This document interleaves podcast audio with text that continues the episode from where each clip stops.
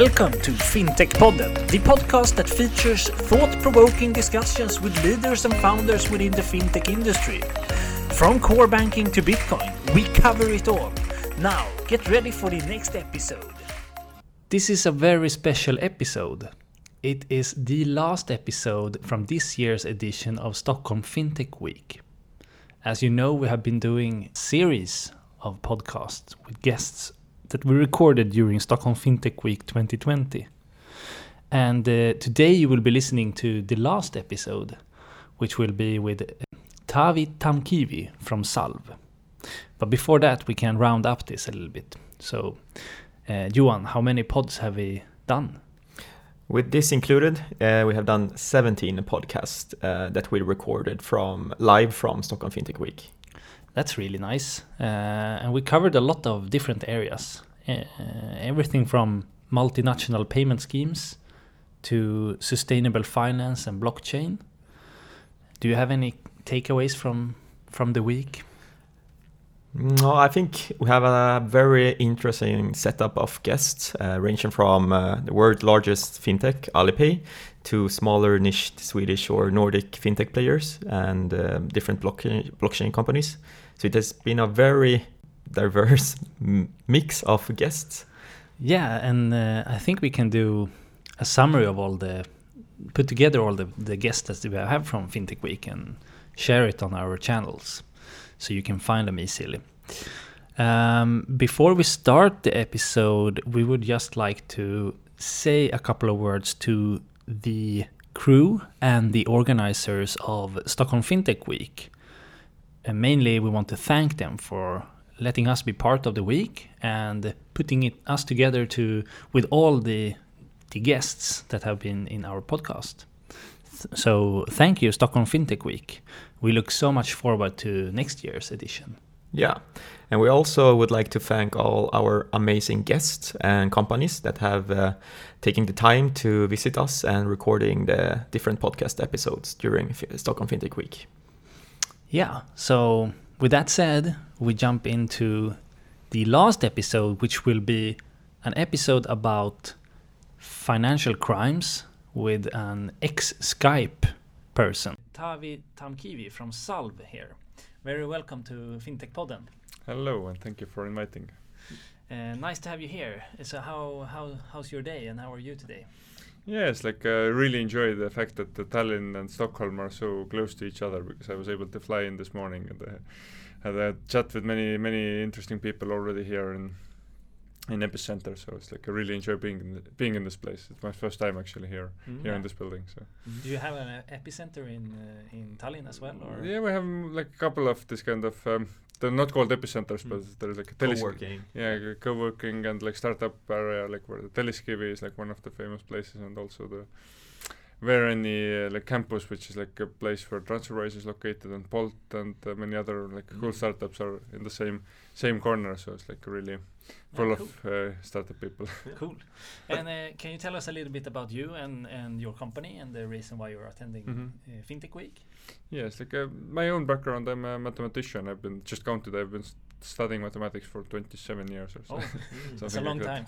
up to PhD level, but I'm a PhD drop off because I I joined uh, Skype uh, originally, like um, where I worked uh, seven years, uh, were fighting um, payment fraud over there, and then I, I left Skype and joined uh, TransferWise when it was like really really young company. So I built up the compliance and the AML and KYC functions over there. So it didn't leave much time for the studies. Um, but yeah, other than that, I have uh, four four kids at home, so I'm just um, busy between family and um, and work life but work-wise, yeah, like uh, with with Salv, we are uh, building um, AML anti-money laundering technologies for the fintechs and banks um, to help them to to fight uh, financial crime and to be compliant with the regulatory requirements. Because that's something uh, me and my team we, we learned a lot at TransferWise. What are the challenges with the scalable and compliant and effective crime fighting uh, systems and and after I left Skype, I realized that not too many people know how to build this technology. So we found our niche, um, which in these days seems to be quite big, especially here in in Nordics and Mm. uh, and Europe. Like, Everybody talks about it. Yeah. and that's also the reason why I'm why I'm here, just to spread the word and Yeah. uh, gather some new interesting contacts. And there are like um, joining this. Uh, Dark side of the fintech um, session later on today, so uh, looking to get some some new ideas from there also. But uh, here during the Stockholm FinTech Week, you will be part of a panel discussion. What will you talk about there? It's a good question. I just realized uh, this morning that I need to propose some topics myself. so, but yeah, but yeah, it's, uh, I think my co-panelists will introduce some some hands-on or like practical example stories about the crime fighting, and uh, and I wasn't even sure to be honest. Like, uh, is it about payment fraud or is it about money anti-money laundering? Mm. so I'll I'll try to bring this compare these two disciplines. Um, Mhm.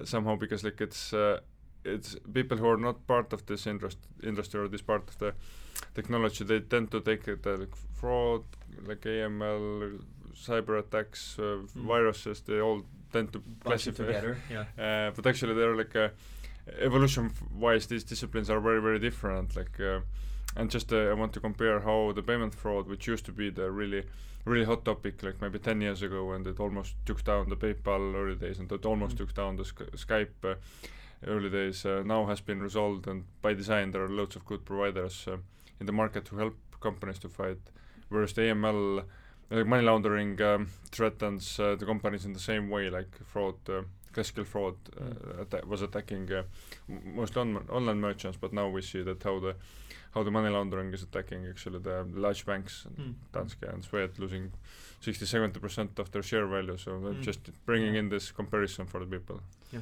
And I, I read um, read on your website that you said that like only one to two percent of the fin crimes are actually being Mhm. solved or prevented. Uh, what, what do you think lack, is lacking today? And what needs to be done to, to improve Mhm. those numbers? That's a good question. Just if you think about like uh, whatever other like business you would run and your efficiency or like uh, you would achieve only like one or two percent of the of the overall target is like uh, really really Mm. poor. Like you would sack sack the whole team basically, and uh, and the, the amount of like billions and billions uh, that companies are spending uh, to get into that level even. So it's like so broken is, is the world, and, why it's broken is that like it's um, uh, so far companies have been focusing on um, being um, like hitting the bare minimum like being just compliant like Mm. doing what um, regulators are telling them to do. And they haven't actually thought through like what is the true meaning of these laws. Like the true meaning of the laws of people who are sitting in the parliament and they're like voting and writing laws. Their I, I really believe that their core mission is to to reduce the crime in the world to to, to cut uh, down the drug trafficking or or like uh, human trafficking or like uh, ivory illeg- illegal ivory tr- like trading or weapon illegal weapon trading and terrorism attacks and all these like ugly things which are happening. And to realize that this kind of crime is happening largely because uh, like criminals are earning money from there and and they are able to clean this money up really easily through the existing banking system. And uh, and for that money in the end to buy like nice villas somewhere in French Riviera or like sports cars and nice yachts and private planes so it's like super cool business. And and because it's so easy to, take this criminally earned money and put it into like really cool assets uh, that uh, like there is no showstopper for the criminals to to to end up this and that, like that's ultimately what I really hope that the parliaments and people who are giving out laws they had it in their minds. Um, and they wanted to stop it really. And every time when the new crisis happens like they are like uh, forcing coming out with new laws. Mm. but what's happening is that these people actually who are writing the laws they actually don't know how this digital and financial crime is happening and what are the weapons and countermeasures that should be taken. So the stuff that they write down like um, it doesn't uh, actually serve the purpose. Mm. And but banks uh, and like bigger financial companies are following what's written down in the laws Mm. and not what's the actual idea of these laws. And Yeah. when you're actually that that drives them the wrong direction. They're just fulfilling the formal requirement, doing the checkboxing. They're only compliant, and they hope that uh, they will keep their licenses and Mm. maybe they hope that their share price will stay where it is. But but it's super ineffective against the crime fighting because criminals are really fast. They are thinking. Uh, uh, that they're using loads of new technologies. Okay, take the blockchains, or or like e- e-wallets or faster payments or all this uh, PSD2, all the fancy stuff which is coming out.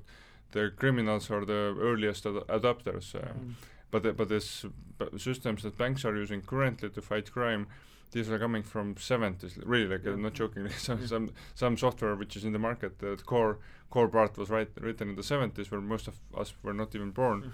And and trying to use this technology to fight like really modern crime it's like already lost by, by the beginning in the beginning so that's the main main um, root cause why this system is so ineffective today and why it needs to be rapidly changed actually Yes, so so we need to companies and banks, fintechs, etc. need to take a more proactive approach to this, mm-hmm. and uh, and not just do what the regulation says, but try to be even Mhm. thinking beyond Mhm. the regulation maybe. and that's that's a really really good summary and that's what i see it's changing in the market now because just over the last year maybe uh, because like people who are shareholders and um, uh, newspaper readers they are starting to assess uh, these companies so it's not anymore about like regulators and auditors like they are doing their job uh, uh, which is also okay but actually like we as a, as a normal citizens we are going to assess we're not buying any more like Swedbank shares and we're Mm. selling them even and uh, like that's actually really strong stor- strong economical driver for the banks and other institutions that it's not okay to do that Mm. if you think back uh, 2016 uh, before that like when there was this um, Panama Papers uh, scandal where the journalists uh, did a really really good job globally to put these stories together and expose what was happening uh, um, in the, like in these nice nice places and before that uh, it was okay by the banks to open the bank accounts for the offshore companies. And like I've seen also statistics. It's not secret uh, at all but like a percentage of uh, offshore companies who had uh, like uh, out of all the bank accounts uh, like enterprise accounts or business accounts how many percentages were for the offshores? Here in- here in Nordics Nordics also. It was like a fairly big percent but just right after this 2016 Panama Papers it dropped into zero almost immediately. So banks like publicity estimated that it's not okay to do that anymore and banks decided okay like, we need to close it down so it was like before that there was no economical driver but after that um, people started to vote with their legs or with their shares But no real regulation either, right? It was Mhm. the people that like stop with this. Yes, uh, actually, regulations also changed, and this, Europe, but the regulations that changed, um, this, like um, the change was triggered in 2016, but actually it became effective. I think this spring in January, like AML Mm. Directive Five in here in Europe. So it took two years to get it effective, Mm. but actually banks changed much much faster, like super fast for, Mm. for the banks, just because publicity gave their estimates Mm. and that's actually a really really strong uh, power which is changing like like um, if you th- think about um, all this uh, economical uh, green uh, like a mentality and uh, like uh, how to how to survive or keep the, the earth uh, alive for a long time Sustainability. uh, all this uh, these are coming from the publicity to the journalists and it's like uh, having a huge um, impact on the on the like um, governments and also the companies and in the AML world we just need to trigger the same change and I, Mm. I think that over like just recent year it has started already in the same way so that's why I'm super positive that it's this crime fighting uh, or detected crime rate will increase from 1 to 2 to 4% and then to 8% and to 16 and some other numbers it doesn't need to be 100 but it's like if it's if the detected money the de- detected criminal money is high enough then it becomes uh, less and less profitable for criminals to use that channel and ultimately they will stop it there will Yeah. be some break even and a bigger risk to, to try Exactly, to yeah. do it.